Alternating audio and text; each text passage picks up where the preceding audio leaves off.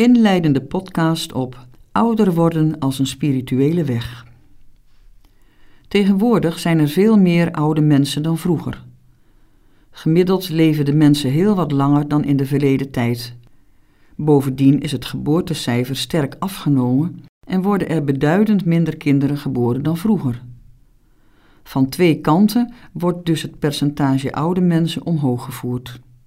Daar komt nog bij dat de oude mensen niet meer zo in tel zijn als dat vroeger het geval was. Het is de jeugd die de toekomst heeft en daarom belangrijk is. Daar moet ik echter meteen aan toevoegen dat ik veel spontane hulpvaardigheid ervaar van jonge mensen die me goed doet en dankbaar stemt. Er zijn heel wat jongere bejaarden die nog echt vitaal zijn en van het leven kunnen genieten. Voor hen zijn er heel wat verlokkelijke toeristische aanbiedingen. Ook de fitness, sport, vermaak en voedingssector stemmen zich op hen af. Zij zijn graag geziene klanten. Maar dat is wel een fase van het ouder worden die voorbij gaat en dan plaats maakt voor een tijd waarin de beweeglijkheid afneemt en de afhankelijkheid toeneemt en waarin we niet meer zo interessant zijn. Vaak laat het geheugen ons dan meer en meer in de steek en kunnen we ons slechter concentreren dan voorheen.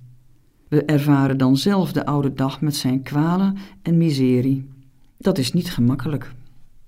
Natuurlijk zijn er heel wat boeken geschreven die de diverse aspecten van het ouder worden belichten. Ze kunnen een kostbare hulp bieden. Ze doen dat vanuit heel verschillende gezichtspunten: de gezondheid, de psychische kant, het culturele leven en andere aspecten. Deze retraite wil het accent leggen op het geloofsleven en de kracht die daaruit geput kan worden. Ze wil helpen om de diepere dimensie van het leven levend te houden en vruchtbaar te maken.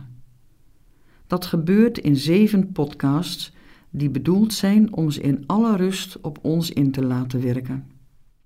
Ze bieden gedachten aan waar we kalm en rustig wat over na kunnen denken en vooral ook tot persoonlijk gebed kunnen komen.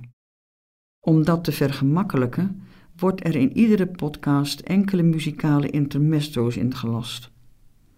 De muziek is als inspirerende achtergrond gedacht voor het eigen gebed. De teksten zijn eenvoudig en de zinnen zijn kort. Ze putten uit de rijke bron van het christelijk geloof en willen op de eerste plaats bemoedigen en vrede brengen. Daarbij worden de moeilijke kanten van het ouder worden niet uit de weg gegaan.